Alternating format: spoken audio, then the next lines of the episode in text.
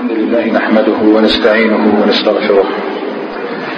ونعوذ بالله من شرور أنفسنا وسيئات أعمالنا. من يهد الله فلا مضل له ومن يضلل فلا هادي له. وأشهد أن لا إله إلا الله وحده لا شريك له وأشهد أن محمدا عبده ورسوله. صلى الله عليه وعلى آله وصحبه وسلم تسليما كثيرا. أما بعد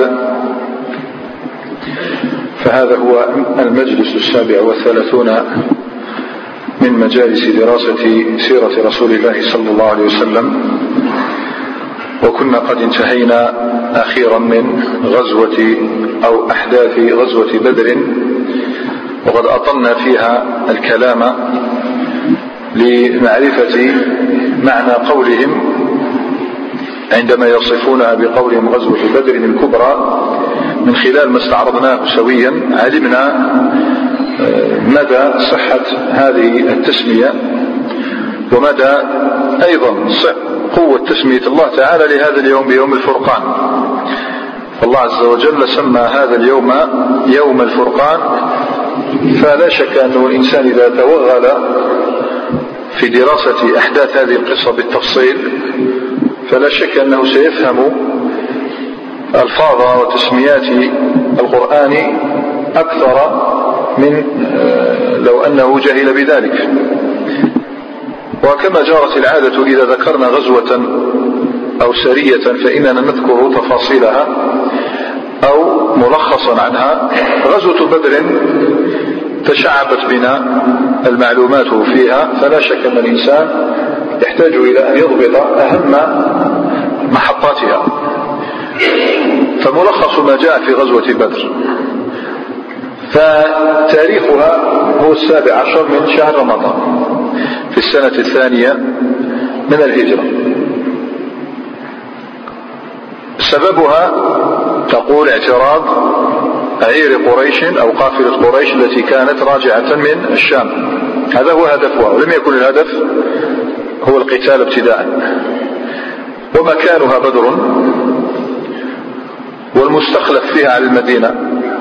من؟ هو أبو لبابة بن عبد المنذر. قلنا إن النبي صلى الله عليه وسلم في أول الأمر استخلف عبد الله بن أم مكتوم حتى إذا مشى بالجيش مسافة وبلغ مكانا. فعندئذ أرسل أبا لبابة بن عبد المنذر إلى المدينة. قال أستخلفك أنت على المدينة لا عبد الله بن أم مكتوم. وكان حامل لواء النبي صلى الله عليه وسلم هو مصعب بن عمير رضي الله تعالى عنه. وكان قائد العدو هو أبا جهل لعنه الله. وقوات المسلمين كانت أربعة عشر وثلاثمائة مقاتلا. وقوة العدو كانت خمسون وتسعمائة مقاتل. هذا ملخص عام لغزوة بدر وأما تفاصيلها فطالت بنا المجالس في سردها. والطريف الشيء الذي ينبغي أن ننتبه إليه هو أن أول عيد في حياة المسلمين سيصادف هذا النصر المبين. وقعت قلنا في سبع عشر من رمضان. النبي صلى الله عليه وسلم شحال ظل خارج المدينة ساعة عشر يوما. فعندما رجع إلى المدينة بذلك النصر العظيم ومعه الأسرى فلا شك أنه أنها كانت أيام عيد. المسلمون في المدينة مر بهم أول عيد فطر لأنه أول ما شرع رمضان تلك السنة. أول رمضان صامه النبي صلى الله عليه وسلم في السنة الثانية. إذا أول عيد كان في السنة الثانية. جاء بعد العيد مباشرة عيد آخر وهو نصر رسول الله صلى الله عليه وسلم وكان أول اصطدام وأول انتصار على قوى الكفر وكأننا بهم في تلكم الأيام عندما كانوا يكبرون ويهللون الله تبارك وتعالى. فكأن آية الأنفال الآن تفهمها جيدا. قلنا الأنفال الآن صرنا نفهمها جيدا خاصة وأنت تطالع ذلك الواقع كيف كانوا قبل أمس. شفنا مر بهم ثلاث أشياء ثلاث آه، أشياء تخيف. أولا الجوع الجوع الشديد الذي أصابهم. ثانيا الخوف الذي كان يدور بالمدينة. العالم كله يستهدف أن يضرب المدينة. تبانا والشيء الثالث الذي كان يهدد المدينة هو أن هذه الدولة فتية في نفسها يعني حتى بلا جوع بلا خوف يمكن للدولة أن تسقط. لأنها دولة فتية فما بالك بدولة فتية يحيط بها هذان الوحشان الكاسران الجوع والخوف. فانتبه الآن وهي الصورة نازلة سورة الأنفال والله تعالى يقول واذكروا إذ أنتم قليل مستضعفون. مستضعفون في الأرض تخافون أن يتخطفكم الناس. لا أنت فهمها ولا لا؟ تخافون أن يتخطفكم الناس فآواكم وأيدكم بنصره. برك ورزقكم من الطيبات. أزال عنهم الخوف وأزال عنهم الجوع. كي رأينا كيف عادوا جميعهم بتلك الغنائم لعلكم تشكرون. فهذا أول نقطة نتطرق إليها في مجلسنا اليوم إن شاء الله هي هذا المحصل. فرجع النبي صلى الله عليه وسلم المدينة ورأينا كيف فدى الأسرى رأينا كيف أطلق سراح بعضهم. فاليوم إن شاء الله تعالى نرى مواقف اللئام من ظهور الإسلام أي بعد ما ظهر الإسلام. فما هو موقف أعداء الله عز وجل؟ فلا شك أنهم كثر ونبدأ بما أصابهم جملة فالجزيرة العربية أصابتها الدهشة في تلك الأيام. سمعوا بنصر عظيم وبرزق كريم وبأمن جسيم وبالأطفال تعلم. تبان يعني انتشر العلم النبي صلى الله عليه وسلم. هذا ويخطط إلى أبعد ما يمكن أن نتصور. يعني لم يكن آه، ينظر إلى أرنبة أنفه هذا الرجل الذي الآن دخل المدينة أنه يخطط إلى أبعد ما يمكن تصوره. فعندئذ امتلكتهم الدهشة وغشيتهم الحيرة وتفاقم الحسد أو غير إثبات الحسد حسد اليهود وحسد المشركين وضاقوا ذرعا بما عليه النبي صلى الله عليه وسلم وأصحابه. وهذه الأيام التي ستأتي الآن ستكون حبلى بالأحداث العظام والخطوب الجسام. كقول ويصور لنا ذلك قوله عز وجل لتجدن أشد الناس عداوة للذين آمنوا. اليهود والذين أشركوا الآن سترى. اليهود والذين أشركوا أشد الناس عداوة كانوا في تلكم الأيام. أما المشركون بمكة فقد قرروا الانتقام. ولا شك أنهم لن آه، يتركوا هذا الأمر يسير أو يمر عليه مرور الكرام بل رأينا كيف أصدروا قرار بمنع البكاء. خلاص من اليوم البكاء ممنوع. من اليوم لا نوحى في أي بيت. لماذا لكي لا يشمت بنا محمد صلى الله عليه وسلم وأصحابه. وسنعود إليه إن شاء الله تعالى بعد أيام. سنعود إلى موقف المشركين في قريش. وانتقلت الزعامة بعد موت أو قتل أبي جهل وأمية بن خلف. انتقلت الزعامة بعد ذلك إلى أبي سفيان. صار هو سيد قريش فسارع إلى عقد المشاورات عقد الندوات عقد الاجتماعات لكي يصل إلى لكي يصل إلى قرار يكون من ورائه الثأر لما حدث لهم ببدر. إذا قريش الآن تخطط. فأما لو ذهبنا إلى المشركين الذين هم بالمدينة المشركين الذين هم بالمدينة إحنا عندنا مشركون خارج المدينة هذول سيظهرون المشركون الذين هم داخل المدينة الذين لم يسلموا بعد. فهؤلاء قد خرجت ألسنتهم لأنهم كانوا يأملون أن يكون النصر حليف المشركين. وقلنا ويقول الذين ويقول المنافقون والذين في قلوبهم مرض غر هؤلاء دينهم يعني يشبههم 314 واحد راح يقاتلوا المشركين 950 فيهم كذا وفيهم فلان وفيهم فلان. غر هؤلاء دينهم. ما كانوا ينتظرون ابدا انه سيكون النصر حليف النبي صلى الله عليه وسلم. فقلنا خالصت إلسنتهم صور هم قاعدين في البيت ويسمعون زيد بن حارثة يجري في المدينة. ألا أيها المؤمنون أبشروا بنصر الله عز وجل. وهو يسمع خرست ألسنتهم وجحرت أبصارهم وتفطرت قلوبهم. فخافوا على أنفسهم عندئذ. الآن خافوا على أنفسهم. امتلكهم الخوف وأعراضهم وأموالهم. فما كان منهم إلا أن أعلنوا الإسلام ظاهرا. أعلنوا الإسلام بأفواههم. وظهر النفاق لأول مرة على ساحة الإسلام. أول مرة. ظهر النفاق والمنافقون بصورة تامة صريحة. روى البخاري ومسلم عن أسامة بن زيد قال كان النبي صلى الله عليه وسلم هذا الحديث رأينا نصفه الأول من قبله لأن نتمه. كان النبي صلى الله عليه وسلم وأصحابه يعفون عن أهل الكتاب والمشركين. في أول الأمر قلنا العفو والصفح. كما أمرهم الله تعالى ويصبرون على الأذى. قال الله عز وجل هذا أسامة بن زيد شوف كيف يفسر القرآن ولا تسمعون من الذين أوتوا الكتاب من قبلكم ومن الذين أشركوا؟ آذى كثيرا. في آية أخرى قال ود كثير من أهل الكتاب لو يردونكم من بعد إيمانكم كفارا حسدا من عند أنفسهم من بعد ما تبين الحق. شو الموقف؟ هل قاتلوهم؟ لا فاعفوا وصفوا حتى يأتي الله بأمره. في تفسير سورة البقرة. شفنا قوله عز وجل حتى يأتي الله بأمره. منهم من فسروه حتى يأتي يوم بدر. منهم من فسروا حتى يكون إجلاء بني قينقاع حتى يكون إجلاء بني النظير حتى يكون قتال بني قريظة. المهم سيأتي أمر الله تعالى حتى يأتي الله بأمره. إلى آخر الآية. قال أسامة انتبه إلى كلام أسامة بن زيد. وكان النبي صلى الله عليه وسلم يتأول العفو أي يعمل به. يتأول بمعنى يجعله واقعا.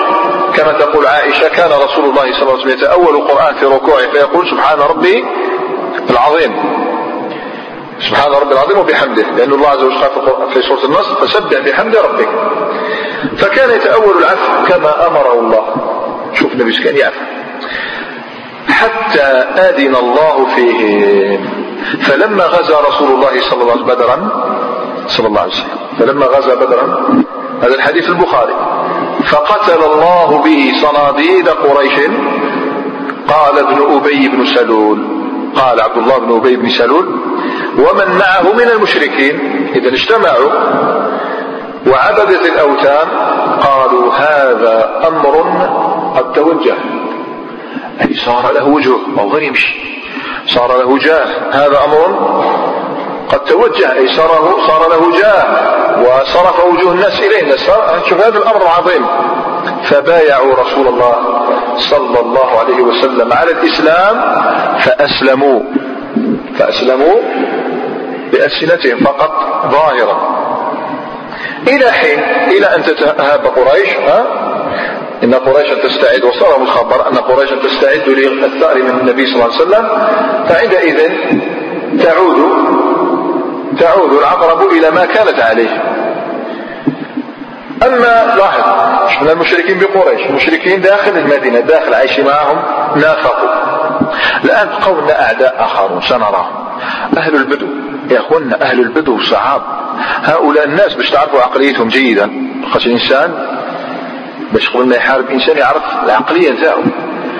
الأعراب ومن كانوا حول المدينة من أهل البدو هؤلاء ما كان يهمهم لا إسلام ولا كفر لا محمد صلى الله عليه وسلم ولا أبو جهل ما نولوا كان ولاؤهم الوحيد للمال. كان ولاؤهم الوحيد للمال. كانوا أهل نهب وأهل سرقة. هذه هي معيشتهم. قاعد.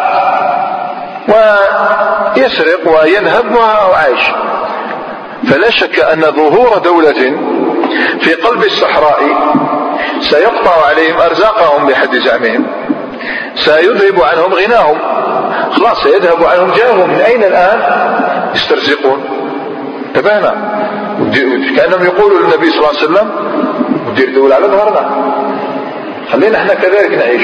هذه معيشتهم نهب سلب قطع طرق. إذا ماذا؟ الفرار قرروا النفاق قرروا غزو المدينة. فقرروا غزو المدينة. طبعا الإنسان أحيانا تأتيه حالة من الجنون يرتكب فيها مثل هذه الحماقات فسيدفع الثمن. فقرروا إذا غزو المدينة وهذه ما نسميه الآن إن شاء الله تعالى نراها غزوة بني سليم. غزوة بني سليم. زمانها متى كانت؟ كانت في شهر شوال. في شهر شوال من السنة الثانية. شهر شوال من السنة الثانية. بل أقول لك لما جاء النبي صلى الله عليه وسلم من بدر صلى الله عليه وسلم لما رجع من بدر لم يبقى إلا سبعة أيام بالمدينة. سبعة أيام قعد بالمدينة فسمع بالخبر أن الأعراب من بني سليم وغطفان سيغزون المدينة تحركوا. فلذلك لما سمع بتحركهم إلى لغزو المدينة خرج إليهم يستقبلهم طلعت تشوف النبي صلى الله عليه وسلم ما يعني ما كاش راحة أيام القضاء في بدر الغزو كذا حمل هم أمة كاملة سبعة أيام دخل المدينة على الخرج إلى غزوة بني سليم. مكانها هذا زمانها. إحنا لازلنا في أحداث السنة الثانية. مكانها وهي قرقرة الكدر. منهم من يسمى مباشرة الكدر. مكان معروف بالكدر واد لبني سليم. واد معروف لبني يقعد في نجد في الطريق التجاري بين مكة والشام. كان طريق يقصده الناس يعني حيوي كثرة الحركة عليه معروفة. فذلك هو المكان الكدر. لذلك بعض العلماء يسمى غزوة الكدر.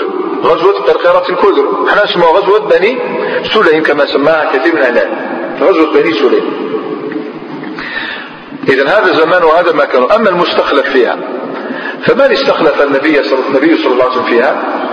استخلف سباع بن عرفوطة شوفوا يا أخواننا إنسان يقف أمام أسماء هؤلاء الصحابة. سباع بن عرفوطة أجزم أن بعضهم أول مرة يسمع سباع بن عرفوطة أول مرة سماع بن عرفوطة لكن هؤلاء يصلحون لما لا يصلح له غيره. كاين الناس اللي يسموهم جنود الخفاء. يبان وقت الأزمة. بين وقت الأزمة مثلا شوفوا آه، خالد بن الوليد رضي الله تعالى شو ذاك أعطوني فتوى قال أعطوني مذهب عنده كاش مسألة صيام صلاة ما لا تجدون هذا. أبحث كل آراء الفقه ابن عبد الرزاق مصنف ابن أبي شيبة والسنة الكبرى الدائق ما تسيبش قول خالد بن الوليد. وقال وكان مذهب خالد وتحريم كذا ما كاش. هل كان جاهلا؟ لا حاشاه. لكنه كان مختصا في شيء سياسة الأمور في القتال هذه لا ينازع بها أحد. أناس يصلحون للقضاء الحكم بين الناس لا تجد فتاوية. كان أناس يصلحون لهذه الأمور للسياسة. شفنا أب أبا لبابة بن المنذر. أبا أبو أبو لبابة بن المنذر. لا تسمع بهذا كثيرا صعب الآن سباع بن غرفطة رضي الله تعالى عنه. فهذا سوف يستخلفه النبي صلى الله عليه وسلم على غزوتين أخريين. هذه الأولى ثانية في غزوة دومة الجندل بعد أحد دومة الجندل والثالثة في خيبر. سيستخلفه النبي صلى الله عليه وسلم في خيبر يخليه في مكانه. هذا يدل يا أخواننا على أنه ذو حكمة ذو معرفة بسياسة الأمور؟ وكان حامل لواء غزوة بني سليم من المسلمين علي بن أبي طالب. علي بن أبي طالب هو لها. في جيش يقدر بمئتي مقاتل. مئتان مقاتل خرج خرجوا إلى هذا المكان قطرة الكدر. أما مدة مكثه صلى الله عليه وسلم خارج المدينة فقد مكث بضعة أيام. وكلمة بضعة أيام تدور بين ثلاثة إلى تسعة. أي لم يطل غيابه صلى الله عليه وسلم. ثلاثة إلى تسعة أيام بضعة أيام هكذا جزم الرواة. تصنيف الغزوة هل هي اعتراض؟ اعتراض عير لا. يعني مطاردة دفع صائم فيما حدث مع غزوة يقبلها واش الأبواب اعتراض زيد. وش هي الغزوة التي كانت مطاردة. يعني دفع صائل ناس خرجوا للنبي صلى الله عليه وسلم. أو ما نقولوش خرجوا لكن سمع بأنهم قتلوا مسلمين في مكان. الغزوة الرابعة. الغزوة الرابعة قبل قبل آه، غزوة بدر. غزوة بدر الأولى ما اسمها؟ غزوة بدر الأولى ما اسمها؟ صفوان. غزوة صفوان. قبلها كاين غزوة. العشيرة لا. غزوة العشيرة. ها؟ لا لا ما زال إن شاء الله. إن شاء الله خلوها لكم إن شاء الله. هيا ذكرونا. عندكم الأبواء. أول غزوة. بعد العشيرة. كانت كذلك اعتراض عير. ثالثة. هنا رأي الدور الثالثه غزوة سيف البحر. آه سيف البحر السريه غزوة صفوان بدر الأولى. غزوة الغزوه الخامسة غزوة بدر. بدر الغزوة الخامسة اديوها رسمي. كاين ثمان غزوات في العام الأول آه، في العام الثاني. كنت ثمانية غزوات. شفنا الأبواء هي الأولى العشيرة. ثالثا جيد بواط. غزوة بواط. غزوة بواط اعتراض. يعني مط... يعني ناس جيد؟ فيعترضون. تصنيف الغزوة مهم هذا. إحنا ندرسه الآن أنا آه، شغل تخيلون في خيمة ندرسوا كيفية القتال. مطاردة للمشركين الذين يحاولون غزو المدينة. استنوا شوية. فبقي بضعة أيام.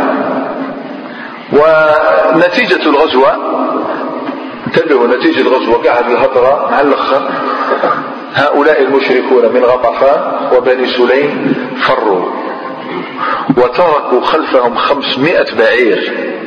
خمسمائة بعير خمسمائة بعير ثروة طائلة خمسمائة بعير تركوا خلفهم وبعض الأموال وبعض الأسلحة. وخمس النبي صلى الله عليه وسلم هذه الغنيمة يأخذ الخمس شحال مئة.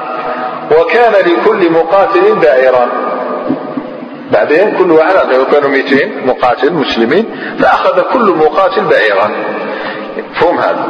فنلاحظ أن الله عز وجل أراد أن يرزق المسلمين فهيأ سببا إنسان يغضب يقول إنهم سيقال لكن الله عز وجل يفتح لك باب رزق. الحديث في الإمام أحمد بعثت الساعة بعثت أنا والساعة كهاتين وجعل رزقي تحت ظل رمحي. قال الله عز وجل أيها المؤمن عندكم رزق هناك. هو بصح كاين ناس تما لا هذوك يهربوا ويخلوه. ما شاء الله. أحدوه ورجعوا هذا هو الرزق تاع النبي صلى الله عليه وسلم. طبعا أما اليهود شفنا مشركين بقريش. شفنا المشركين داخل المدينة رجعوا منافقين. شفنا البدو. المشركين تاع البدو الآن بقوا لنا عدو رابع. اليهود في المدينة ماذا موقفهم أو ما هو موقفهم بدا العد التنازلي لذهاب مجدهم واضمحلال ذكرهم العد التنازلي كما نقول بالفرنسيه نقول خلاص أبدأ. راح يروح المجد نتاعهم خلاص. أول بداية كانت مع غزوة بعدها بأيام في شوال نفسها وهي غزوة بني قينقاع. غزوة بني قينقاع. يعني بعد أيام في شوال لم ينتهي بعد شوال النبي صلى الله عليه وسلم غزا بني قينقاع. تاريخها في شوال نصف الثاني من شوال في السنة الثانية.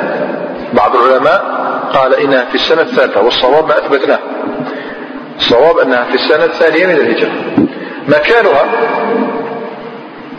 مكانها لا اللي يجيبها صارت أي مكانها. خيرة الكدر مالك حفلة لكم يلا كمان. جيد المدينة. بنو قينقاع وين راه بنو قينقاع أين هو؟ هاي المدينة لاحظ هاي المدينة. حوالي المدينة لم تخرج عن المدينة كاين حصون. واليهود لا يعيشون إلا في حصون. مستحيل يعيش في بيت عام لازم له حصون يخافوا الموت من كل جانب يعني.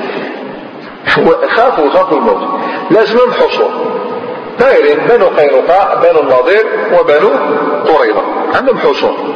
صح. إذا مكانها المدينة. ويقولوا المدينة؟ ليست ديار المسلمين إنما خارج ديار المسلمين. هذا مكانها. أما سببها فهو ما ذكره ابن إسحاق رحمه الله تعالى بسند مرسل. يقول لك مرسل شو معناها؟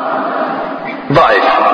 لكن القصة لها طرق أخرى لذلك حكم العلماء بحسنها وهو مما استفاضت السيرة به. وسنرى إن شاء الله تعالى أن السيرة تستفيض فيها أشياء تستفيض فيها أشياء. فالعلماء يحكمون بصحتها. استفاضت.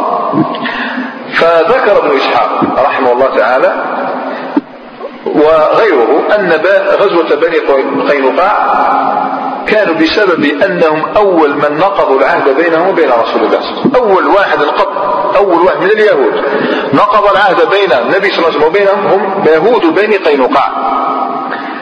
وكان من أمرهم نام أن امرأة أن امرأة من العرب قدمت بجلب لها بجلب والطعام الميرة. الميرة جاءت بطعام لها إلى سوق بني قينقاع فباعته بسوق بني قينقاع باعته. وجلست إلى صائغ وجلست إلى صائغ ربما لتشتري منه شيئا ربما لتبيعه جلبا لا ندري. فجعلوا اليهود يريدون يريدونها على كشف وجهها. هذا كشف وجهها. لا نتحدثوش عنها. وقلنا مرة سردنا هذه القصة وبينا أن اليهود مختصون في كشف العورات. هذا اختصاصهم من قديم الزمان.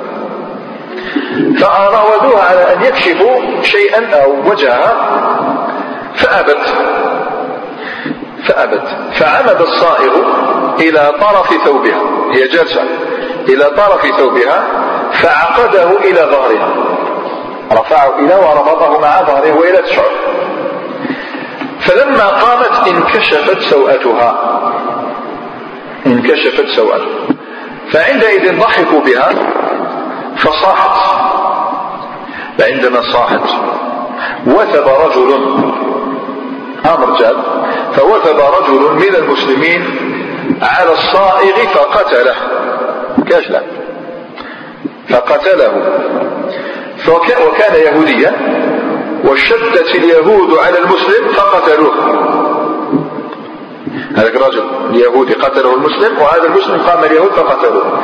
فاصطرخ أي صرخ أهل المسلم المسلمين. أهل المسلم الذي قتل صرخوا بالمسلمين. يا أهل الإسلام انظروا فلان ابننا وأخونا قد قتل فغضب المسلمون لذلك فوقع الشر بينهم وبين بني قينقاع. كادت حرب تقوم بين يهود بني قينقاع والمسلمين. فعندئذ حاصرهم رسول الله صلى الله عليه وسلم. حاصرهم حتى نزلوا على حكمه يعني ما استطاعوا أن يصمدوا كثيرا. الحصار ضاق عليهم فقام من؟ إليه عبد الله بن أبي بن سلول. قام وبتعرفوا أن عبد الله بن أبي بن سلول سيد الخزرج. وبنو قينقاع كانوا حلفاء الخزرج. بنو قينقاع كانوا حلفاء الخزرج.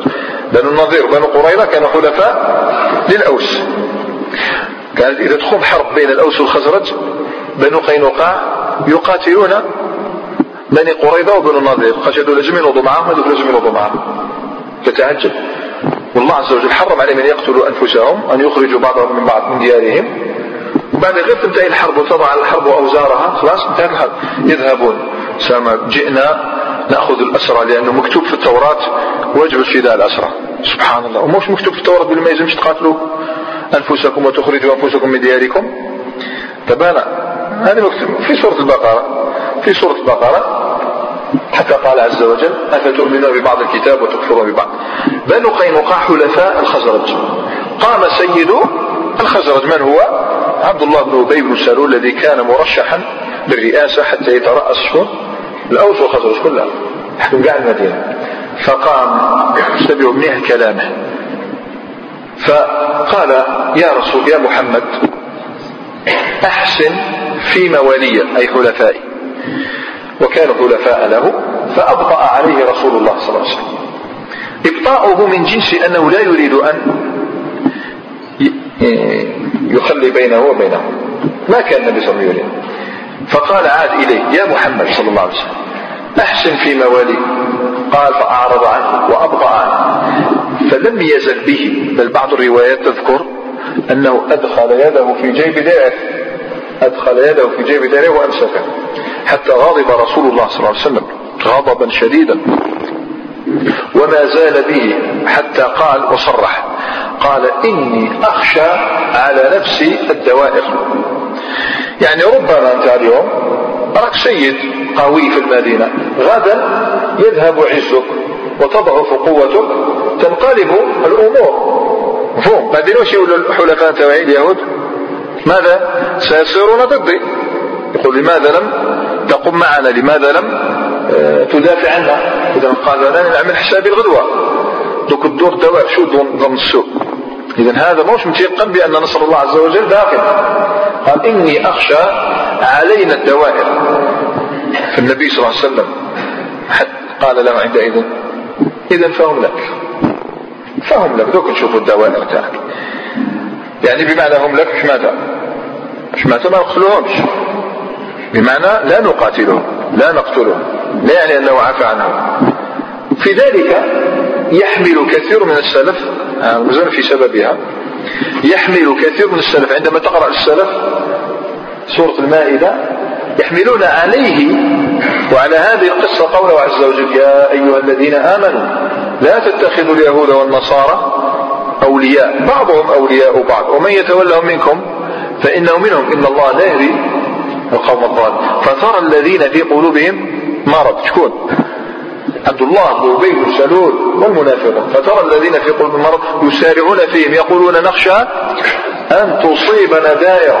راح تنقلب الأمور وتصير علينا. فعسى الله أن يأتي بالفتح أو أمر من عنده فيصبح على ما أسروا في أنفسهم نادمين. إيش قال الله عز وجل؟ ويقول الذين آمنوا طبعا تعجبوا. الذين هؤلاء هذا عبد الله بن مسلم. هذو المسلمون اللي صرحوا بارح برك صرحوا بإسلامهم. هؤلاء الذين أقسموا بالله جهد أيمان إنهم لمنكم؟ يعني هذا منكم؟ حبطت أعمالهم فأصبحوا خاسرين. اذا هذا سببها. مفهوم؟ واستخلف النبي صلى الله عليه وسلم على المدينة على ديار المدينة. أبو أبا لبابة بن عبد المنذر الذي استخلفه في غزوة بدر. وكان حامل اللواء حمزة بن عبد المطلب. في جيش كم عدده؟ هم مسلمو المدينة. مسلمو المدينة كاع جاوا قريب عليهم عادي. خرجوا خارج الحي تاعهم مسلمو المدينة كلهم حاصروا بني قينقاع وكان قائد قوى اليهود من قوم عبد الله بن سلام. عبد الله بن سلام الذي رأينا إسلامه قومه هؤلاء. بنو قينقاع. وكانت مدة مكثر. طبعا كان عدد المقاتلين من اليهود 700 700 مقاتل كانوا متحصنين بهذا الحصن ومدة مكث الرسول صلى الله عليه وسلم خارج دياره كانت خمسة عشر يوما. وتصنيف الغزوة حصار. تصنيف الغزوة لا اعتراض ولا مطارد حصار. وما هو الشيء الذي نزل في هذه الغزوة؟ مش نستطيع نقول. هل نزل فيها شيء؟ بتعرف الغزوات الأولى الأبواء بواط العشيرة العشيرة وصفوان لم ينزل فيها قرآن. لذلك ما كنا نجعل هذه النقطة. لكن في غزوة بدر نزل فيها قرآن. وشنو هو؟ سورة الأنفال كلها. الأنفال كلها نزلت في غزوة بدر على أجل غزوة بدر هل نزل شيء في غزوة بني قينقاع؟ هذه الآيات التي تلوتها الآن عليكم تاع المائدة. يا الذين آمنوا لا تتخذوا اليهود والنصارى أولياء. وكاين آيتين آيتان أخريان. كثير من السلف ذهب إلى أنها نزلت في غزوة بني قينقاع. آيتان من سورة آل عمران. قل للذين كفروا ستغلبون وتحشرون إلى جهنم. وبئس المهاد. ستغلبون حصركم وتحشرون. ماذا تحشرون؟ دونك كيجي نتيجة تاع الغزوة واش كانت. خرجوهم تحشرون إلى جهنم وبئس المهاد. إيه؟ قد كان لكم كما نقول لو كنتم تفكرون جيدا قد كان لكم آية في فئتين التقاتا فئة تقاتل في سبيل الله وهي المسلمون 314 واحد وأخرى يرون مثلهم رأي العين. كافرة وأخرى كافرة يرون مثلهم رأي العين. والله يؤيد بنصر من يشاء لكنهم لا يعتبرون. لم يعتبروا بهذا. إذا بعض العلماء قال نزلت قد كان لكم آية خطاب لمن؟ لليهود. يهود بني قينقاع. لو تأملتم وتبصرتم لعلمتم أنكم آه، داحرون خاسئون في هذه الغزوة. نتيجة الغزوة أن النبي صلى الله عليه وسلم كف عن قتلهم ولكنه ولكنه بعد أن استسلم اليهود لذلك الحصار أمر بإخراج من المدينة وأخذ أموالهم ثم خمست أخذ أموالهم ثم خمست المهم عاد النبي صلى الله عليه وسلم إلى دياره شحال بقوا لنا من غزوة في هذا العام؟ شحال بقوا لنا؟ شحال بقت لنا من غزوة؟ شفنا غزوة الأبواء غزوة العشيرة غزوة بواط غزوة صفوان بدر الكبرى غزوة آه، بدر الكبرى وغزوة بني سليم وغزوة بني قينقاع بقت لنا غزوة واحدة وهي غزوة غزوة آه، ما عنده حتى واحد فيكم يعني كاش هذوك اللي يديروا لها هكذا ما عندكمش؟ الغزوة الأخيرة. أعطيني الغزوة الأخيرة. ذي أمر. لا لا خيبر ما زال العام الخامس إن شاء الله تعالى. لا على خمس سنين إن شاء الله نقصر على غزوة خيبر.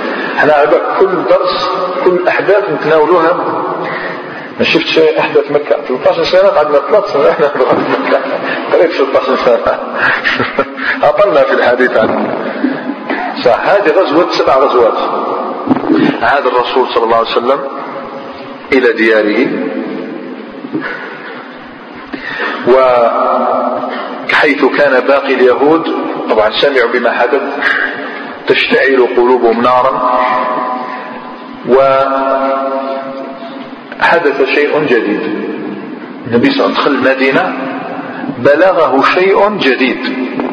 بلغه أن بعض اليهود قد تجاوز حده وأنه لم يكتفي فقط بالكفر برسول الله صلى الله عليه وسلم وبدينه بل بلغ به الحد إلى أن صار يستهزئ. بدين الله. وبلغه بأن هذا الكافر اليهودي صار يقرض شعرا يسب ويهجو فيه الرسول صلى الله عليه وسلم. ثم تطور به الأمر فصار يتشبب ببنات المسلمين. بلغ ذلك الرسول صلى الله عليه وسلم رجل استغل بلاغته واستغل فصاحته واستغل شعره في الاستهزاء بالله وبالنبي صلى الله عليه وسلم. رأس من رؤوس الكفر. كثيرا ما تقرأ كلمة الطاغوت فيقول ابن عباس هو فلان.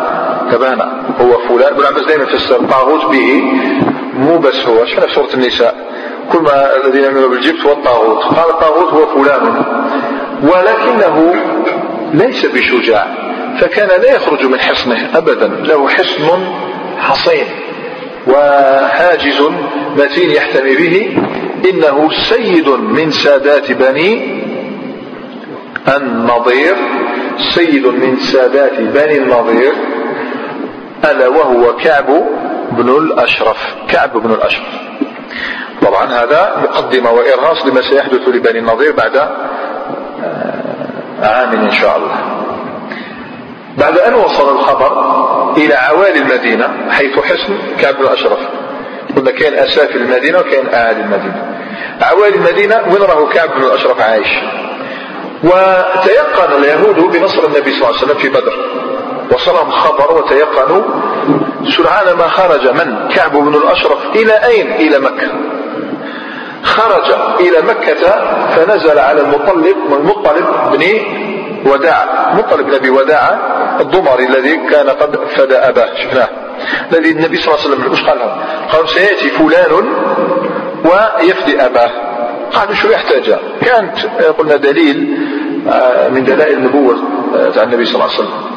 وفي مكة وهو ذهب إلى مكة عند نزل عند هذا المطلب بن أبي وداع آه، الضمري صار يقرض الشعر. بتشجيع وتحريض من المشركين. صار يقرض شعرا تعرفوا تكلمنا مرة عن الشعر العربي ليس كما نتصوره الآن. هكذا الشعر يعني قال لك فن. فن في ماذا فن؟ يعني أعبر عن الأحاسيس. لا لا مش هذا هو الشعر. هذيك طريقة هذه هكذا بداية. لكن الغاية الشعر عند العرب مش هذا برك وإلا تعبر عن الأحاسيس. مش دخلني فيك نجي نسمعك. عبر أنت وما تعبر كانوا يجوا يسمعوا ويكتبون ويشرحون هذا في شيء. ديوان. دواوين العرب. ديوان العرب هو الشعر. عندناش ديوان تاريخ العرب في الشعر. صيبوا دير تاريخ. تحكي كانوا يديروا كذا كانوا يفعلون كذا. وكان أهم وسيلة من وسائل الإعلام. وسيلة من وسائل الإعلام. أكثر من السيانه في الزمان. صدقني يعني الشعر في ذلك الزمان كان بمثابة وسائل الإعلام. يعني إذا قال بيت في فصاحة وبلاغة منتهية فالناس الناس كلهم ستتناقله شفنا زهير غلط قال كلمة في في من؟ قال كلمة في رجل. آه، لا نسيته مهم.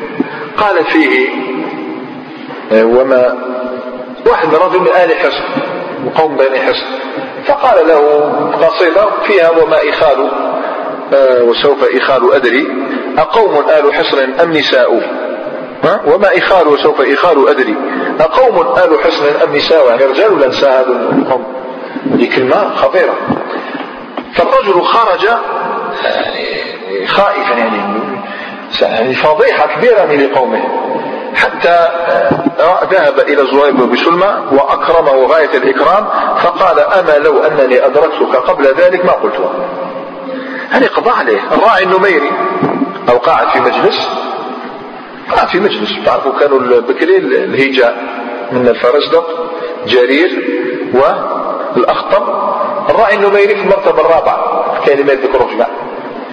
فقام جرير طبعا هو جاب أبيات هاج بها جريرا جرير زعف تهجوني فقال في أبيات من الشام فيها آه، قوله فغض الطرف إنك من نمير فلا كعبا بلغت ولا كلابا. غير غض الطرف. فلا فإنك من نمير. فلا كعبا بلغت ولا كلابا. الراعي النميري ما قامش يرد عليه. لا. خرج. الفارس تاعو يجري بلاده باش يدخلها قبل ما يبلغهم الخبر خاطر كان يبلغهم الخبر ما يخلوش يدخل. حتى يمسح العار هذا الذي بلغ. نمير تحقدرها على جالك أنت. فلا تدخل. فصار يركض ويركض حتى بلغ مشارف القرية. فسمع طفلا فغض الطرف انك من نمير فلا كعبا بلغت ولا كلابا ما سبقه الشعر. سبق الشعر الفرس. فلم يستطع أن يدخل بلدته حتى يمسح هذا العار. وصارت الناس تأتي به هذا البيت. يعني صار عار لنمير. الآن الناس في قديم كان يستحي يقول أنا من نمير. ومن الطرائف رجل كان يتشبك بالنساء. وهو من نمير. فهو من نمير وسمع كان يغازي المرأة. هذه المرأة حرة. فالتفتت إليه وقالت اتق الله. فلحق الله رعيت ولحق الشاعر. قال كيف حق الله وكيف حق الشاعر؟ قالت أما حق الله وللمؤمنين يغضوا من أبصارهم وأما حق الشاعر فغض الطرف انك من نمير يعني ليش جنب يقول لك حط المهم هذا الشيء يدل يدل على أن الشعر ديوان العرب. يمشي. والآن استغله هذا الخبيث هذا اليهودي استغله في هجاء الرسول صلى الله عليه وسلم. وصار يأتي بأبيات يحرض فيها, فيها المشركين على رسول الله صلى الله عليه وسلم. زيد ويبكي أهل قليب بدر في قصائده. بكى أبا جهل بكى صفوان بكى كل من مات من أشراف قريش. يجيب فيه أشعار. ثم آه، عاد إلى المدينة فتشبب ببنات المسلمين. يقول تشبب ببنات المسلمين يقول تشبب ببنات المسلمين بمعنى وصف بنات المسلمين إما بأسمائهن أو وصف جسمهن أو ذكر يا بنت فلان أو ذكر يا بنت المنطقة الفلانية هذا هو التشبه ببنات المسلمين. يعني حكمه أنه يقتل. يتشبب بنات المسلمين. يقتل. فأغلب المغنين اليوم حكمهم حكم من ببنات المسلمين. إيش معناته تبان واحد. تعرفوا واحد الداعية صار قال سبحان الله يتكلم عن من يتشبه ببنات المسلمين. قال استمعوا إليه وهو يقول أنا عاشق يا بنات النيل وبغنيكم مواويل. هذا يعين بنات النيل. يعني مصري واحد مصري عنده رجولة مش ينوض؟ ينوض يقتله تشبه ببناتنا. الناس تصفق له أنا عاشق بنات النيل وبغنيكم مواويل. قالوا أنت عاشق أنت فاسق. قالوا لست عاشر وأنت فاسق ما فقت بكر. ولكن هذا مهم جدا. باش يعرف المسلم أين الرجولة المسلمين اليوم. لأن هؤلاء المفروض يضرب على أيديهم يضرب على ألسنتهم. انتبه الآن حكمه روى الإمام الطبري رحمه الله تعالى عن ابن عباس رضي الله تعالى قال وهذا الحديث آه، صححه الشيخ مقبل ابن هادي الوادعي في الصحيح المسند من أسباب النزول. قال ابن عباس لما قدم كعب بن الأشرف مكة قالت له قريش أنت خير أهل المدينة وسيدهم. أنت خير أهل المدينة وسيد. شوف كيف بلغ به الكفر. يهودية من أهل الكتاب. إحنا نعتقد لو كانت معركة بين كتابي ومشرك. شو ماذا بك الحكم كتابي لماذا؟ أهل كتاب المفروض هو يعاملنا على الأساس هذا. إحنا أهل كتاب فقالوا لو أنت خير فأنت خير أهل المدينة وسيدهم. قال نعم. طبعا هذه اسمها الحقنة. قالوا يعني حقنه أنت خير أهل المدينة وسيدهم. قال نعم.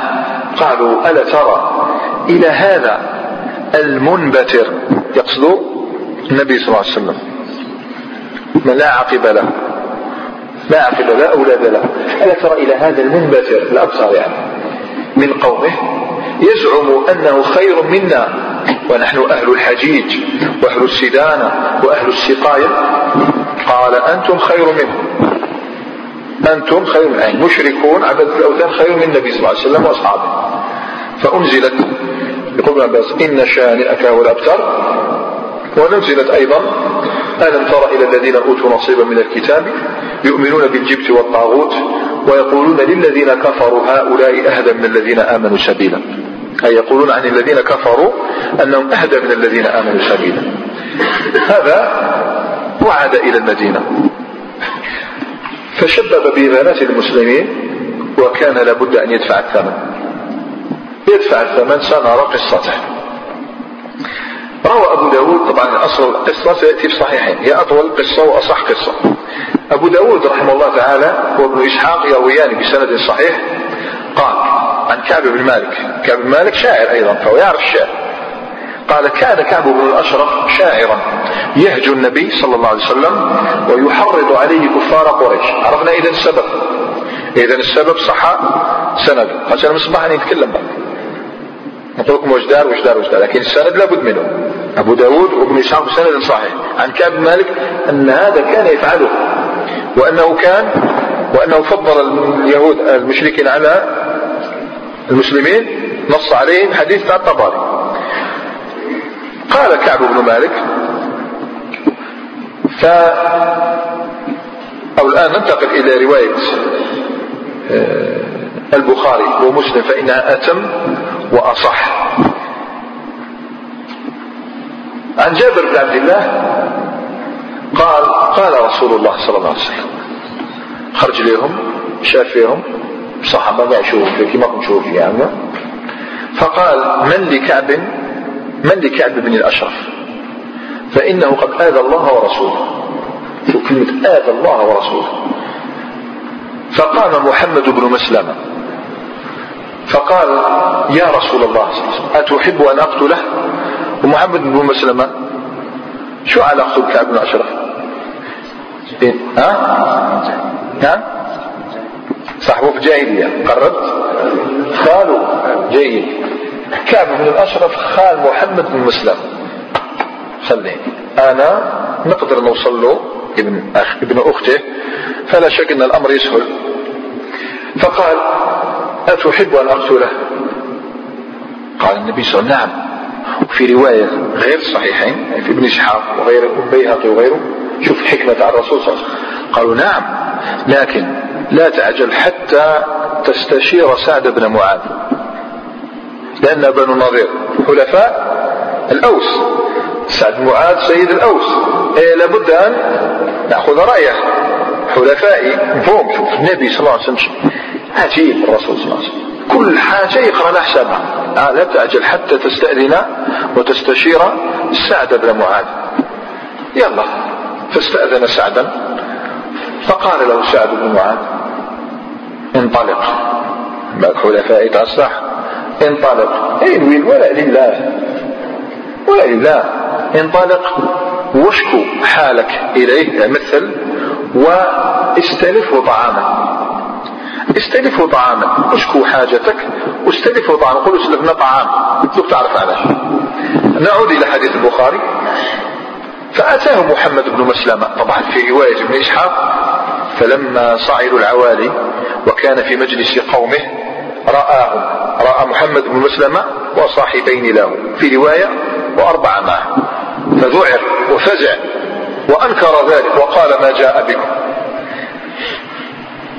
الجباني شم رايح كذا أمية شمها ولا ما شمها وشكون اللي أعطت له الإنذار؟ زوجته كذلك كعب بن الأشرف زوجته ستعطيه الإنذار. فالمهم نعود إلى رواية البخاري. قلت فقال محمد بن مسلمة إني إن هذا الرجل قد سألنا صدق وقد عنانا أي أتعبنا وكان محمد بن مسلمة قد قال للرسول صلى الله عليه وسلم أتأذن لي أن أقول فيك شيئا؟ أن ينذمك شوي. قال لك ذلك. الحرب خداع. فقال له لقد عنانا عيانا كل صدقة هاتوا هاتوا هاتوا. عيانا بزاف وقد أتيتك أستلفك. فقال شو كعب بن أشرف وأيضا قال في الدار ما زال بكتب لكم صدق. وأيضا والله لتملن أي دوك يحكمكم الضجر والملل منه. كذب. كذب. وفي رواية قال أما آن لكم أن تتركوا هذا الباطل الذي أنتم عليه؟ عجيب اتركوا الباطل الذي أنتم عليه. فقال محمد بن مسلمة والله إنا قد تبعناه. فلا نحب أن ندعه حتى ننظر إلى أي شيء سيصير شأنه. لا لا. هي الحكمة أنك تستنى وتنظر. إذا غلب هذا معه. إذا هزم هذا رجعنا لأصلنا. وقد أردنا أن تسلفنا وسقا أو وسقين. والوسق هو ثلا... آه... آه... ستون صاعا. آه ستون صاعا. آه ثلاثمائة صاع الوسق الواحد ستون صاعا. إيه الوسق الواحد شحال طلع وصاعين 120 120 صاعا أو 60 صاعا فالزكاة مثلا لا تجب إلى خمسة أوسق أي 300 صاع فقال نعم نعم أسلفكم. اسمع من شرعين اسمع من شرعين أسلفكم.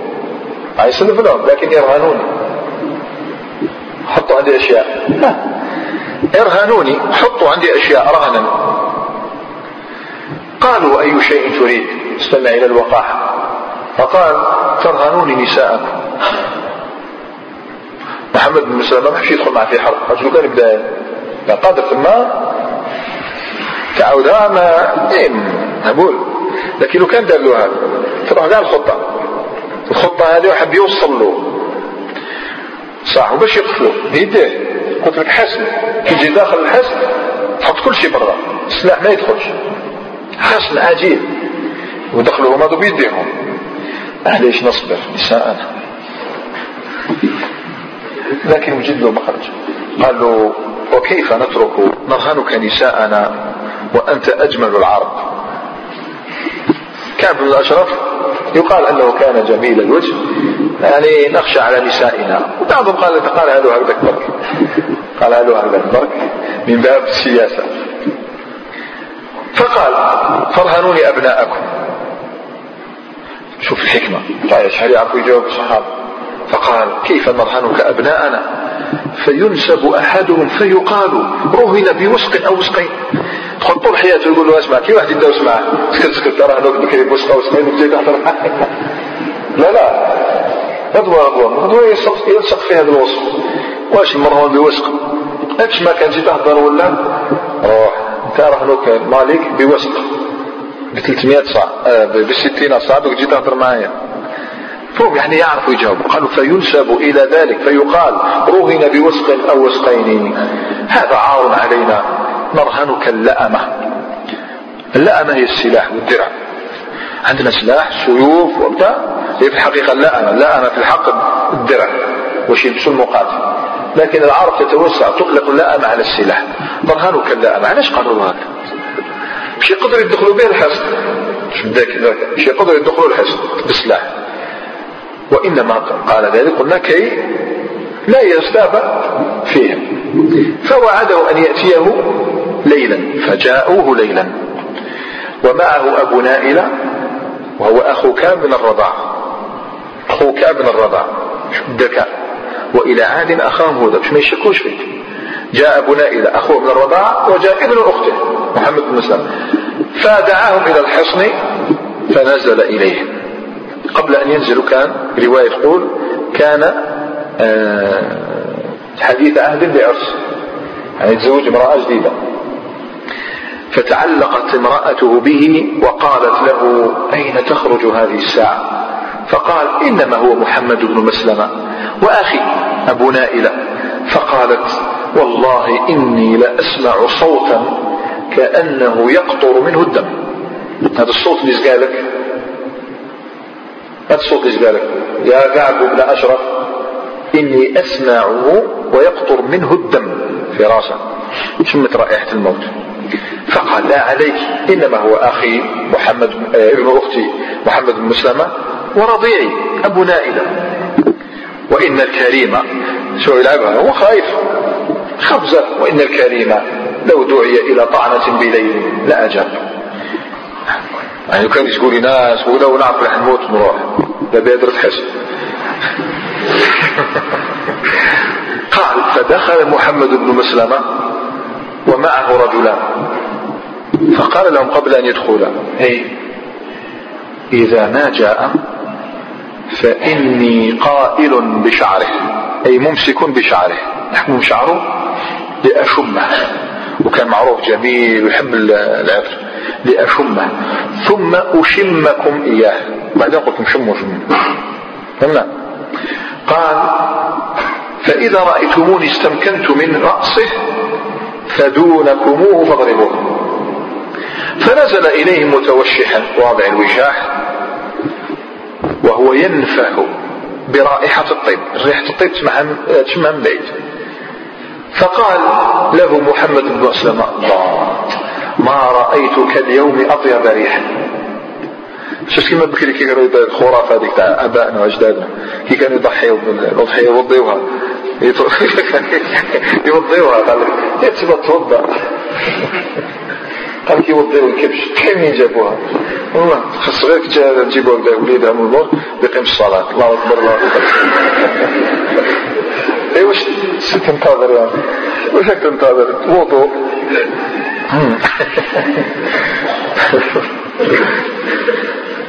بعد تصيب كي تجي تصوت هذاك شو اسمه هذاك اللي شوطه اسمه؟ إيه هذاك الراس تسبت داخل سواك هذا الشيء كان تاعك من جاب هذا وضوء المهم هذا ما وجدت ما وجدنا ريحا أطيب من هذه. يعني راك توجد روحك للموت ما شاء الله. فقال يعني يفتخر. عندي أعطر نساء العرب. يعني أعطر نساء العرب. لأن العطر الهائل في العرب أي عندي. عرس. يعني امرأة جديدة.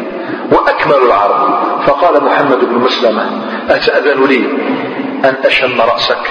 فقال نعم. وكانت العادة إنسان إذا حب يدير شيء منيح يقدم أصحابه تشرب تقدم أصحابك. تحب تشم صح تشم الرائحة لكن قدم أصحابك. ولا لا. فأمسك برأسه قال شمه. فشمه الأول وشمه الثاني.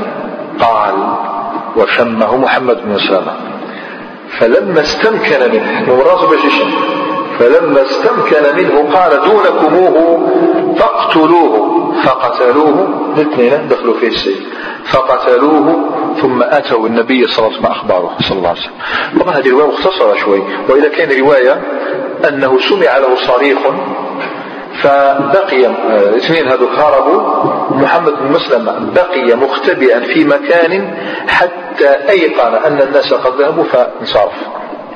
عاد إلى المدينة. المهم عادوا إلى النبي صلى الله عليه وسلم وبشروه بسقوط طاغوت من طواغيت قريش. آه اليهود. طاغوت من طواغيت اليهود سقط اليوم كعب بن الأشرف. وهذا الحدث يا أخوانا لازم نكونوا صراحة لم يكن بسيطا. ماشي سهل أنك تقتل زعيما من زعماء بني النضير يعني ستؤلب عليك الدنيا. لكن النبي صلى الله عليه وسلم فعل ذلك لأمر أعظم وهو الاستهزاء بالله. والاستهزاء بالرسول صلى الله عليه وسلم أمر لا يتسامح فيه.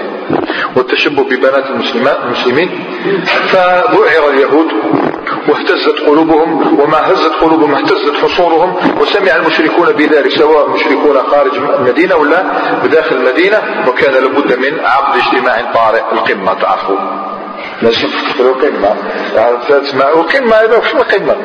أنت كي تسمع اجتماع القمة؟ المفروض القمة تشوف لها هاك قمة وأنا راه كاش المفروض من تحت. هذيك القمة هذه لا. القمة اجتماع في القمة؟ أنا عارف اجتماع في القمة كي تكون تحت الناس قاعد تشوف فيك فوق مش راح تقروا بالعقل علينا تعيشوا. العالم قاعد يشوفكم كيف مش مازالكم تحت. مازال تجتمعوا. اجتمعوا إيه. قمة. اجتماع القمة. ليش هذا اسمه اجتماع قمة. مهم كان لابد من عقد اجتماع. طارئ مستعجل. قمة بين المشركين واليهود. يقول المشركين الآن المنافقون. فاجتمعوا. ولماذا؟ لأنهم رأوا أن اليد يد الموت قد صارت تصل إلى زعمائهم. اليد راهي لا تمشي. ولا شك أنها ستطيح بأي منهم من سولت له نفسه أن يخون يعني الآن الأمر هو صعب. الآن بدأوا في قتل الخونة. ولذلك عقدوا اجتماعا. لذلك آه، روى أبو داود بسند صحيح عن كعب بن مالك وهو تتمة الحديث السابق. قال فلما قتلوه سمع فزعت اليهود والمشركون. فغدوا على النبي صلى الله عليه وسلم فقالوا طرق صاحبنا. طرق هو الإتيان ليلا. لذلك الطارق النجم يسمى الطارق لأنه يأتي ليلا. طرق صاحبنا فقتل. فذكر لهم النبي صلى الله عليه وسلم الذي كان يقول أي لماذا لم تضربوا على يديه لماذا لم تخرسوه لماذا لم تسكتوه؟ لماذا لم تعقلوه فذكرهم بما كان يقول ودعاهم النبي صلى الله عليه وسلم إلى أن يكتب كتابا بينهم ينتهون إلى ما فيه. يعني عقد أنهم لا أحد منهم يمكن أن يقاتل النبي صلى الله عليه وسلم أو يحالف من يقاتل أو يسب شيئا من الدين أو يتشبه ببنات المسلمين كتب بينهم وبينه كتابا وكانت صحيفة. لم يكتفي النبي صلى الله عليه وسلم بمجرد القول بل جعل ذلك الصحيفة إقامة للحجة. وهذه رحمة النبي صلى الله عليه وسلم كان رؤوفا رحيما كان باستطاعته أن يطردهم جميعا. مع ذلك قال عفا ولكن ليس في كل مرة تسلم الجرة هذه المرة عفونا في المرة القادمة لن نعفو. ودماء كعب بن الأشرف لم تبرد بعد. إنها لا تزال تغلي في قلوب اليهود ما زال اليهود كاينين فما لبثوا أياما إلا أن أعلنوا الحرب. أعلنوا الحرب على رسول الله صلى الله عليه وسلم. يهود بني النضير ويهود بني قريظة بنو قينقاع أحسرهم روى البخاري ومسلم عن, عن ابن عمر قال حاربت النضير وبنو قريظة رسول الله صلى الله عليه وسلم فأجلى بني النضير وأقر قريظة ومن عليهم حتى حاربته قريظة. ولكن متى حدث ذلك؟ كيف حدث ذلك؟ ما هي سبب إجلاء بني النضير هذا إن شاء الله تعالى نرجئه إلى حينه نكتفي بهذا القدر اليوم. سبحانك اللهم وبحمدك أشهد أن لا إله إلا أنت أستغفرك وأتوب إليك. هذا إن شاء الله موعدنا في العصر.